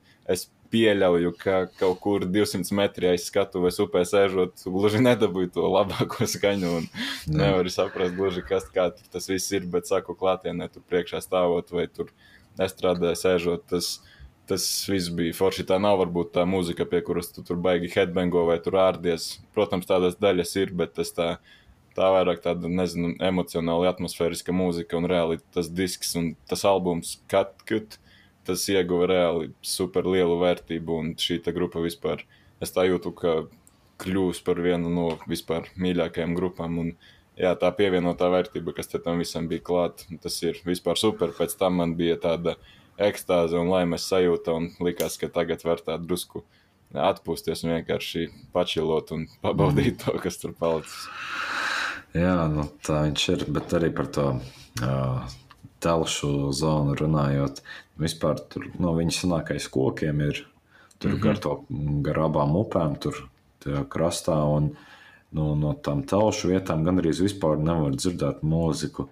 Es uh, zinu, ka es pie teltīm biju, kad Inokentīs Marpus sāk spēlēt, jo es dzirdu, ka kaut kas spēlē, bet nevaru saprast, kas. Un tad, kad Dambis tur ik pa laikam iebļāvās savā augstajā balsī, mm -hmm. nu, tad, tad es tāds, ok, skaidrs, Mārpls spēlē jāiet atpakaļ uz uh, skatuvi. Un, uh, jā, nu, man liekas, uh, šī grupa, kaut vai viņa nav metāls, viņa īsti nav folk mūzika, tas ir pankroks, bet viņš ir ļoti atbilstošs, jo viņi arī tādi latviski un uh, Nu, man liekas, festivālos vispār iedarās arī tāda jautrā mūzika, ka kaut kādos brīžos ir vienkārši cilvēki nu, tā paķēmoties, patrakot. Mm. Un, un, un, nu, vispār arī tas moments, kad tur mošpiti lielie sākās pie šīs grupas. Ja? Nu, tas ir diezgan tā forši. Un, jā, nu, protams, patīkami, ka viņi arī tur uzspēlē kaut kādas. Uh, tādas dziesmas kā Brīvība Latvijai, tur no, no sava repertuāra un uh, Krievija atpūsies. bet, bet jā, nu, tas tā kaut kā. Uh, tas tiešām bija tāds foršs moments, nu, vienkārši tāds par ko pasmaidīt. Man visvairāk patika dziesma. Jā, un nē, tas bija. Bet pagaidi, par to vispār, par to telšu pilsētu runājot, tas gan tur pats nebija, bet, nu, vispār, kā tas tur viss ir, cilvēki tur tā baigi tur ievēroja tos visus noteikumus, vai, nu, daudz vispār maz bija, kā, kā tur īsti. Nu, tur, principā, visa tā teritorija bija ar teltīm. Nu, tā, kas tur bija atvēlēta. Nu, mm. Cilvēki pa lielam ieturēja to divu metru distanci, jo tāpat tās, kad tam teltīm tos uh, striķus tur nostiept, tur jau nu, jā. tals pie telts, un tāpat tās tur sausās kaut kādi divu metru. Nu, tur daži darīja arī tā kā mm, es ar to savu bariņu, kad mēs taisījām vienkārši tādu tā kā telšu apli. Mm -hmm. Un, un uh, jā, nu, tur tā viss tā pamierīgo. Tā, nu. Jā, nu, protams, ka tur, ja tu lietas tuvāk, tur skatu vai tev visi iet garām tos. Uh, Mietiņus tev vienmēr aizķer ar kājām, izrauj, bet nu, tāpēc labāk tur bija šī tālāk aiziet, kur ir arī tāds mierīgāks un līdzenāks un ne tik mitra tā zeme. Bet, nu, tāpat ja, teiksim, tu gaļu, piemēram, kaut kādu grilu, tu arī tur uz turieni vari ņemt un cept, vai tas nav atļauts tur veidot kaut kādus ugunskurus? Nē, tas nav atļauts. Vienīgais, ah, tu okay. vari paņemt arī savu ēdienu, ienest no ārpus teritorijas. Ja? Nu, viņi nav uh, tādi, ka tu vispār aizliegts jebko tur ienest. Tā nav, bet, teiksim, paņemt tur kaut vai nopērts Rīgā gatavu ēdienu, ja tikko siltu tur uztaisīt un mm -hmm. aiznes vienkārši uz teritoriju. Un, Viss, vai arī turpat teritorijā nopērts tur kaut kādu šašliku un aizēja vienkārši piesēt. Un, mm -hmm. Jā, un tur tā bija peldēšanās vieta, trupīta arī forša. Mēs tur kaut kādā brīdī vienkārši e, litrīgo alus pudeli mētājām. Nu, vienkārši ūdenī visi tur stāvam mētājam to pudeli. It kā izklausās tīzli, bet nu, for, forša metode kāda sēties, ja tajā karstumā. Bet, jā, tā kā tāda regbija bomba. es sapratu, jā. Par inokentiem ārplu runājot. Uh, Es saprotu, ka tā ir reāli principā, viena no nozīmīgākajām alternatīvās mūzikas grupām Latvijā, bet Jā. es tā viņus pirms tam, godīgi sakot, baigi nesmu klausījies. Tā varbūt to brīvību Latvijai tā jā, ik pa laikam sanāk paklausīties, bet tīri tā randomā uz kaut kāda šafla režīma sanāca pirms tam kaut ko tur paklausīties. Nu, dziesma par mocīti bija forša. Vispār dzīvē jau viņa tā diezgan smagi izklausās un bija forši par tām īsākajām dziesmām, ar kur viņš teica, es nezinu, tas bija joks vai kā, bet viņi uz to Guinness rekordu mēģināja iet, bet laikam, ka Nepalm Death jau, jau pirms tam tā dziesma jau bija laikam pāris gadi pirms tam iznākusi, tā kā, kura tur ir īsāka, es nezinu, bet beigās tas, tas tiešām bija interesanti, jo tā kā visi jau baigi precīzi plus mīnus iekļāvās tajās savos noteiktajos laikos, un kad reāli bija palicis viņiem diezgan maz laika, un kā es sapratu, ka ir palikusi tikai viena dziesma, un baigi gribēs jau dzirdēt to brīvību Latvijai, bet publika pieprasīja, Krievija atpisies, un to viņi nospēlēja, un tad vēl pārsniedza tomēr to savu laiku un nospēlēja tomēr arī brīvību Latvijai. Tā kā tās tādas divas kontrastēnas dziesmas, eh, viena ar tādu negatīvāku, viena ar pozitīvāku pieskaņu, bet, bet likās baigi forši un kvalitatīvi, un publika tur arī bija diezgan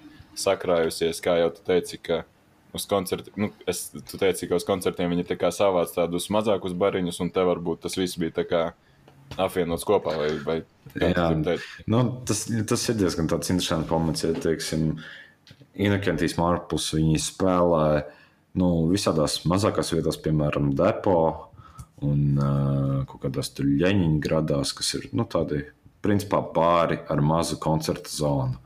Tad tur mm -hmm. ir mhm. tā, ka daži cilvēki atnāk un tā. Bet, un tagad, kad festivāls, man liekas, viņiem bija, nu, varētu teikt, trešais lielākais cilvēku skaits uz to laiku, kad viņi spēlēja. Jo priekšā mm -hmm. viņiem bija Baķuška un Skyforgers. Nu, noteikti. Jā. Jā. Bet, nu, tur visi tā salasījās, un tas man lika aizdomāties par to, ka nu, nevis, nevis grupa, nu, nevis grupas atpazīstamība nosaka, cik daudz tie cilvēki viņus nāks klausīties, bet drīzāk tā vieta, kur viņi spēlē. Jo ja sanāk ielikt tādā lielākā vietā, tad tomēr tāpat tās cilvēki nāk. Un tas ir atkarīgs no, tās, no tiem apstākļiem vairāk. Jā. Un, uh, nu, jā, par to grupu, ko vēl tur var piebilst, tā īsti neko. Nu, Baigiem maleči bija. Un, uh, gribās vēl godīgi sakot, viņas iet paklausīties.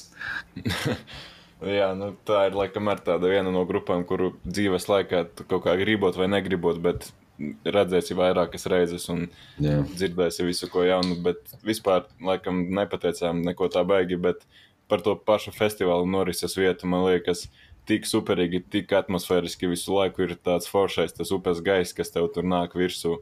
Mm. Un reāli tā sajūta, ka tas viss notiek tādā foršā, brīvā dabā, tādā vēsturiskā vietā. Tas, man liekas, tā baigi arī paceļ to festivālu vērtību. Jā, pilnīgi noteikti.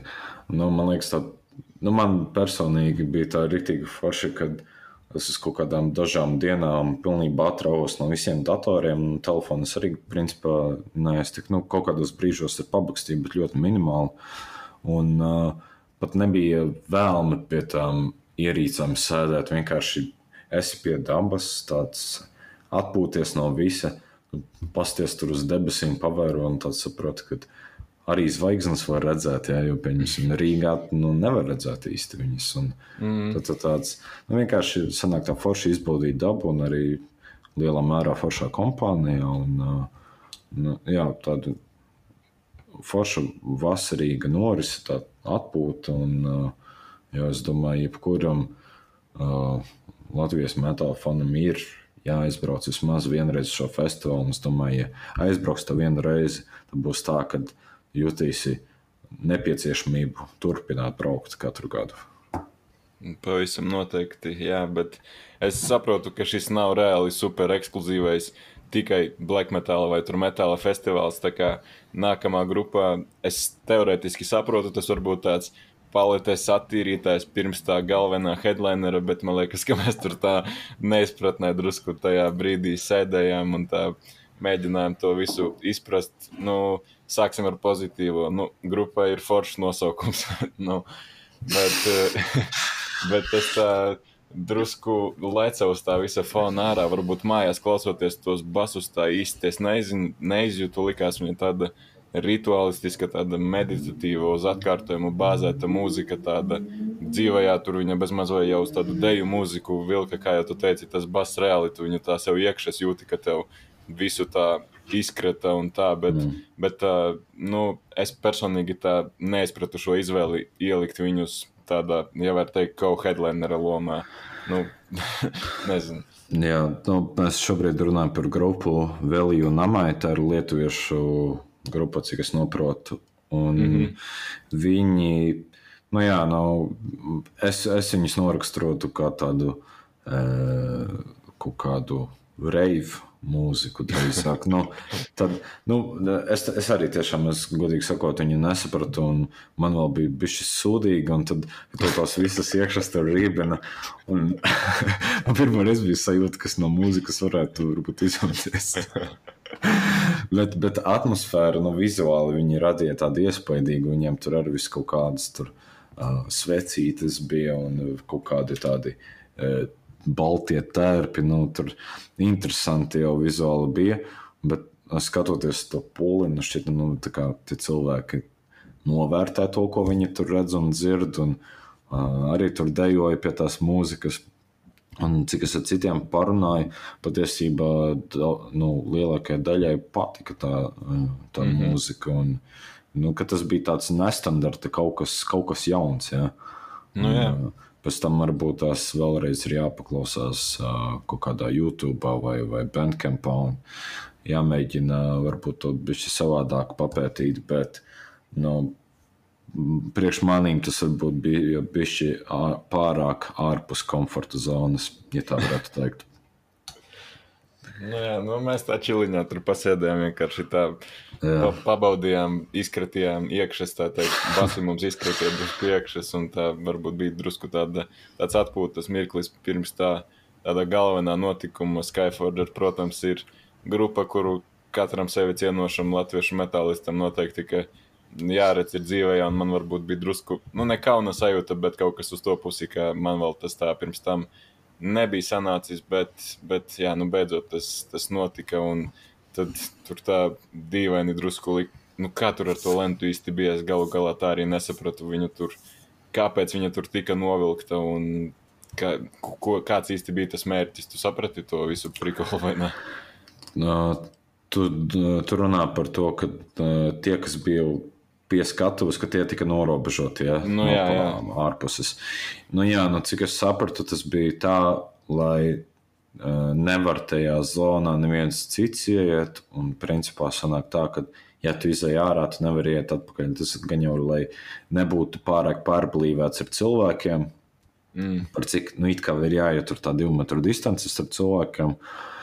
Un, uh, bet, jā, nu, man, man vispār šis bija tāds pirm, pirmreizais moments, ka es Skyforgeru piedzīvoju vienkārši tumā, pa lielam stāvot un skatoties, jo es parasti nu, pie viņiem iztrakojos, un šoreiz tā, tā pa mierīgo pastāvēju turpat pie skatuves un pavēroju viņus, un varbūt bišķi tā vairāk, varētu teikt, analītiski tam visam mm -hmm. piegāju. Un, un, un, nu, tu, tu uzreiz ievēro visādas nianses, ja, kā, kā piemēram šis basists, ja, iesauka zirgs. Viņš tur visu laiku tās acis šauja galvā, tur nu, uz atpakaļ, ja, kad baltumi tikai ir mm. redzami. Tad viņam to sejā tas ventilators tur pūš un mati tur pa gaisu iet, un viņš tur tā riktīgi aktīvi tur spēlē, tur lokās tāds, man liekas, uh, nu, pat. Pat ne visi sportisti spēja tā salocīties. Ja, tur, kad uh, tu esi guli bez mazliet saviem uh, papēžiem, atmuguriskajiem. Nu, tas, tas bija iespējams tāds uzreiz šausmas, un tu redzi, ka uh, tai grupai ir nu, pieredzīta un uh, viņi nu, komfortabli zina, ko viņi dara. Un, nu, jā, nu, tas bija arī redzams. Cilvēki novērtēja to visu, viņi to novērtēja, ko tie skatītāji sniedza to enerģiju. Un, nu, man liekas, tas bija fantastiska grupa, ar ko noslēgt šo festivālu. Un, un, tā nosaukuma izcelsme jau patiesībā nāk no viņu uh, dziesmām, no viņu lirikām. Bet tas mm. varbūt stāsts citai dienai. Un, jā, nu, es vispār tur neko sliktu neredzēju. Man liekas, ka viss bija izcili izdevies un uh, enerģiju viņi atdeva. Un, jā. Ar to viņu setlistu tas arī tā interesanti. Man liekas, viņi ir viena no tām grupām, kurai ir tik daudz labu dziesmu, ka nu, tās visas viņi vienkārši ne, nenospēlēs, un tu reāli nezini, kas būs un kas nebūs. Un, es biju vienkārši super priecīgs un nenormāli pat jāsaka pārsteigts, godīgi sakot, ka pirmā dziesma, ko viņi spēlē, bija Tumsā un Salā, jo tā ir mana reāli viņu mīļākā dziesma. Es tā kā domāju, ka varbūt viņi ar to noslēgs, jo es, piemēram, biju paskaties kaut kādus 18. gada, varbūt setlistus vai kaut ko tādu, un parādījās arī tādi koncerti, kur to grupu viņi nespēlē, to dziesmu viņi nespēlē, tāpēc es jau tā drusku uztraucos, ka nebūs, bet, nu, kad viņi ar to iesāka, tas bija reāli super. Bet viena lieta, ko es sapratu, ka varbūt arī drusku noslinkoju ar šo grupu, pirms tam varbūt vajadzēja drusku vairāk paklausīties viņus, jo es sapratu, vismaz man tā likās, ka es ar tām dziesmām neesmu pazīstams tik ļoti, kā man likās. Jo, piemēram, viņa piesaka dziesmu, es tā stāvu un domāju, bļāviens, es šito nezinu, bet, kad viņi sāk spēlēt, tad es saprotu, ka zinu, nu, vienkārši tos nosaukumus varbūt es tā Jā. baigi nezinu, bet, bet likās forši, nu, pulkvedi briedi, protams, Rāmala un vispār tas, mm. kad atkal lūsiņš jāja, protams, nu, tādas klasikas viņa nospēlēja un arī kaut ko viņa tur teica, ka nospēlēja vienu asinslauks vai no tā IP, ko viņi laikam tā ilgu laiku jau nav spēlējuši, ka tā migla tur tā bija. Nu, viņš Jā. to vēsturisko tādu bāzīti drusku tur pastāstīja. Mm. Tas bija forši, un tas viņu vispār savstarpējais, tas tāds, nu, benters, ja tā latviski sakot, to var nosaukt, kā viņi tur savā starpā kaut ko tur runā, tas tā likās ar drusku rēcīgi. jā, jā, jā. Tas, protams, forši, kad ievieto arī kaut kādu humoru un tā jūtas brīvi, tad arī, man liekas, vispārēji jūtas brīvi. Un, jā. Un es arī īstenībā pieķēru ik pa laikam, kad nu, es, es jūtu, ka vajadzētu man būt pazīstamākam gan ar nosaukumiem, gan ar vārdiem. Un vienmēr tā šķiet, ka nu, vajag vēl, vēl paklausīties un, un, un iet uz tiem koncertiem un, un mājās. Tam visam arī varbūt vairāk pievērst uzmanību un varbūt arī ar savādāku to skatījumu, varbūt vienkārši iet lirkam cauri. Ja patiesībā viņi daudz runā par nu, Latvijai nozīmīgiem brīžiem un visādiem stāstiem un tam līdzīgi. Jā, nu, tagad būs jāuzsēs tāds Skyforger maratons, un tagad pēc jau tā visa pasākuma jāpaklausās tas viss un jāiedziļinās drusku vairāk, bet, nu, man liekas, tas bija tāds tiešām fantastisks noslēgums un vispār uz šo te apakalipsi skatoties, kā jau arī tas Pēteris beigās teica, protams, šis nav perfekts citāts, bet viņš tā forši pateica, ka cilvēki rietumos kaut kā upurē un maina savu kultūru vai kaut ko tādu, bet mēs te nelūstam vai, vai kaut ko tādu viņš pateica. Un tas Jā. likās tiešām tā, tā baigi forši. Tā bija tāda lepnuma, tāda dīvaina sajūta, ka, mm. ka esi daļa no šī pasākuma. Jo, jo tas tiešām nu, būs tāds interesants notikums, uz ko atskatīties pēc tiem mentajiem gadiem un padomāt, kā tur, kas tur un kā bija citur pasaulē un kā te bija pie mums. Kā, jā, tas visu cieņu visiem, kas tur bija. Jā, un, protams, paldies vēlreiz visiem organizatoriem. Jo, nu, man liekas, tagad jau arī no malas var just, ka patiesībā tur nenormāli liels darbs ir jāiegulda. It īpaši šādā situācijā, kad nekas nevienam nav skaidrs un viss var jebkurā brīdī izjukt. Jā. Un viņi, nu, es domāju, ka viņiem diezgan daudz ar ko riskēt šādā situācijā. Bet nu, tomēr viss bija ļoti izdevies, manuprāt. Un, uh, jāgaida, jāgaida nākamo. Nu, jā, nu, reāli tagad tas bezmazliet tā izvelku lapiņu. Un, uh, paldies manai ģimenei par, par atbalstu, par norganizēšanu. Paldies festivāla organizētājiem, organizatoriem, kā pareizi nezinu par šo visu uzrīkošanu, uzdrīkstēšanos un pie tādas spēcīgas nostājas savā ziņā. Paldies! Uh, dabas matei par lielisko laiku. Reāli labāk jau laikam nevarēja būt. Jā. Protams, paldies arī tev un visai tavai bandai par kompāniju. Reāli forši draugi tev tur visi ir. Un, Jā, prieks reāli... satikt un reāli apmeklēt kādu koncertu, festivālu kopā. Viss tā forši iznāca, manuprāt. Jā, nu, tas viss tiešām pat tā vēl tā pēc festivāla nebija tāpat sajūta, ka tu domā par tām grupām, kuru nebija. Sākumā skatoties, bija tā skrobe, ka, ai, nu, tomēr bez šīm grupām tas viss neskatās tik labi, bet, bet kad tu to visu esi piedzīvojis reāli, tu tikai domā par to pozitīvo, un bi viss bija super fantastiski, un, jā, nu, ir dzimusi tāda jauna mīlestība. Uh, tagad maza pauzīte lai cilvēki padomā nepareizas lietas, bet mīlestība pret, pret pasākumu, un kā jau tu teici, tā tiešām laikam kļūst par tādu tradīciju un par tādu obligātu pasākumu katru gadu. Un tiešām, jā, visu cieņu vēlreiz liels paldies visiem, un viss bija reāli super. Pirmā reize vispār labāk, laikam, vienmēr var būt labāk, protams, bet reāli viss bija, viss bija super. Jā, jā, tā arī ir. Par, par, par varbūt kaut ko par suvenīriem, nezinu, par tām glāzītēm. Zinu, kā bija baigi dīvaini, jo es tā mazliet neierubījos. Es tā redzēju to bildi Facebookā, bet tajā brīdī, nu, tās depozīta glāzes, uh mhm. -huh. es tā īsti nesapratu. Man sākumā likās, tā ir vienkārši tāda mīkstā plasmasas glāze ar to ar to dizainu, kurā tu vari laikam nu, vairākas reizes viņu izmantot, bet man nebija īsti sajēgas, ka tā ir tāda tipa glāze. Un ka tu arī pēc tam teici, ka krūzītes pa eiro 50, es tā arī nesapratu. Man liekas, tu runā par tādām tējas krūzītēm, un pēc tam, kad, kad es sapratu, kad beidzot tavu ieraudzīju, nu tad brāļiens viņas jau visas bija laikam izpirktas. Mm. Un tā forši man patīk tas tāds, tā kā uz krekliem arī, kā tie grupu logo nav vienkārši parastā fontā uzrakstīti, bet ka katrai grupai ir tāds savs logo. Nu, tas tā festivālā, tas tas tā kā viss line-ups. Kā, jā. jā, nu to diemžēl nesanāca dabūt, bet ir tāds foršs magnēts ar festivāla nosaukumu, tāds no koka pat smarža viņam tāda ir. Baigi tāds labais, mm. nu, vismaz, vismaz kaut kas, kā tev tur.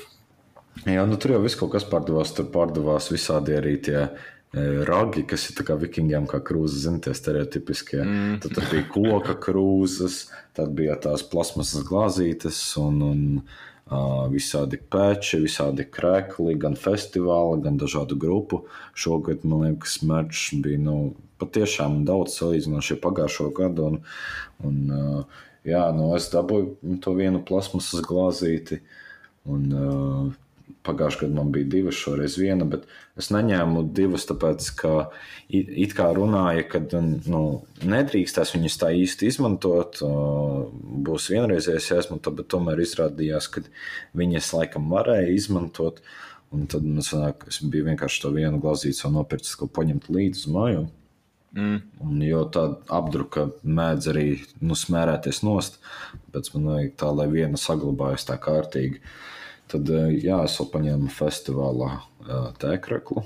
Arī tur ir tā, viss, tas line-ups uz muguras. Un, eh, jā, tad es vēl paņēmu drūnu grupas peču. Bet tas ir tāds, nu, varbūt ieguldījums kaut kam citam ar laiku.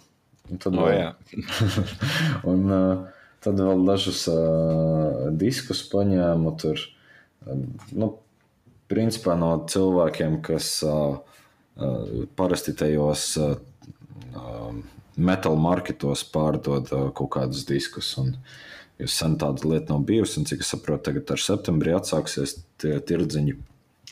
Un, jā, tad sanāks, tur paņem uh, kordam vienu disku, Deftonam, un, un, un vienai vietai grupai Trendkill Method. Bet no tām, kas uzstājās, es neko neņēmu. Man pietika ar to, ka tu man tur atvedi divas Skaffager kasetes, kuras jau bija sen nopirktas, vienkārši pie tevīm stāvēja. Un, un jā, tu tur vēl pie kaut kādām uzlīmēm tiku un uh, kaut kādiem tur arī flyeriem un tādām lietām.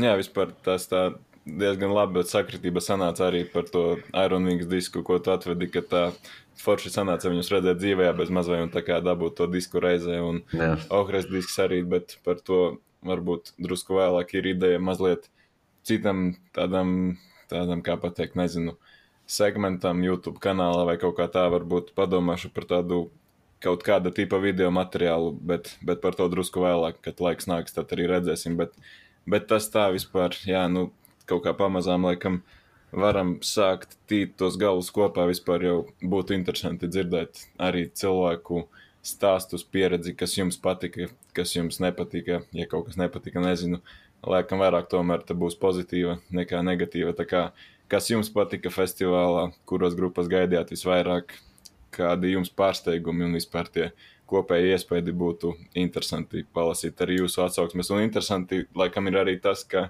ka nu, sanāk, augustā jau esam, bet, uh, principā, liekas, ka, nu, jā, līdz nākamajam gads vēl ir, bet, bet tās biļetes jau palielam sanāk, ka tūlīt jau sāks, nu, atkal sāks tirgot, ja? kā tu sanāk novembrī viņas nopirki, nu cik tad ir mm. palicis? pa, šī festivāla biļetes nopirka 1. decembrī, tad sākās pārdošana.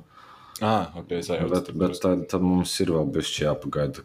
Un tad jau skatīsies, mm -hmm. bet es pieļauju, ka viņi nu, pilnā spārā gan jau sāk jau uzreiz to visu plānošanu. jā. Nu, jā, nu, kas tur, es nezinu. Aprocīt mēs... saglabāju. À, nu jā, aprocītas, protams, ir saglabātas, un domāju, tā smuki viņas ar setlistu kopā ierāmēt būs tāda laba kompozīcija, kas arī paliks nu, tā, uz visu dzīvi kaut kur, nezinu, atmiņā, nevis kaut kur iemest viņu tur atvilknē. Un, Jā, nu, es, es, es gan viņas nesāšu, bet tas tā tieši festivālos Tagad man jau ir, šis bija mans otrais Zonas Lamas festivāls. Tā kā jau tā bija šis sāk, sāk lasīties kopā. Nā, tā kā tev bija arī virsū tā pagājušā, ja? Jā, jā. A, kā tu viņu tā noņemt, tu tā normāli vari no rokas, vai kā tu viņu dabūji? Nu, Pagājušajā gadā es nedabūju viņu noņemt, viņa man bija rīktīgi stipri saspiesta, tā, tā, tas mm. alumīnija dzelzīts. Tad sanāk, es vienkārši krogā dabūju uh, nelietotu. Mm. Un šo, šogad es gan dabūju viņu nost, un tad sanāk, ka tagad uh, es vienkārši uzsienu uz rokas un viss. Mm -hmm. Bet... Varbūt, ka tās glāzes vēl krogā arī varētu dabūt, ne? Kā domā? Iespējams, tur ir jāiet, jājautā. Un, un, un es nezinu, kā ar fiziskajām biļetēm, bet pagājušajā gadā sanāca tā, ka varēja vēl pat dabūt tās, mm -hmm. kas ir tādas drukātās. Jā, nu, nē, nu labi, esam izgājuši pa lielam visam cauri, visi iespēja ir atstāti, tā teikt, iegrāmatoti, laikam nē, nu kā, nu, teiksim, iepodkāstoti, un tad varbūt kaut kādi, nezinu, vai ir noslēguma vārdi, mēs laikam jau visu palielam pateicām. Jā, es domāju, mēs visus esam izrunājuši, un tad jau uh, tiekamies nākamajā sērijā. Jā, tiksimies kaut kad drīz, visticamāk, pēc pāris nedēļām. Un tad, kā parasti, protams, turpiniet klausīties labu mūziku, turpiniet klausīties metāla kastu un tiekamies kaut kad drīz. Atā. Čau, čau!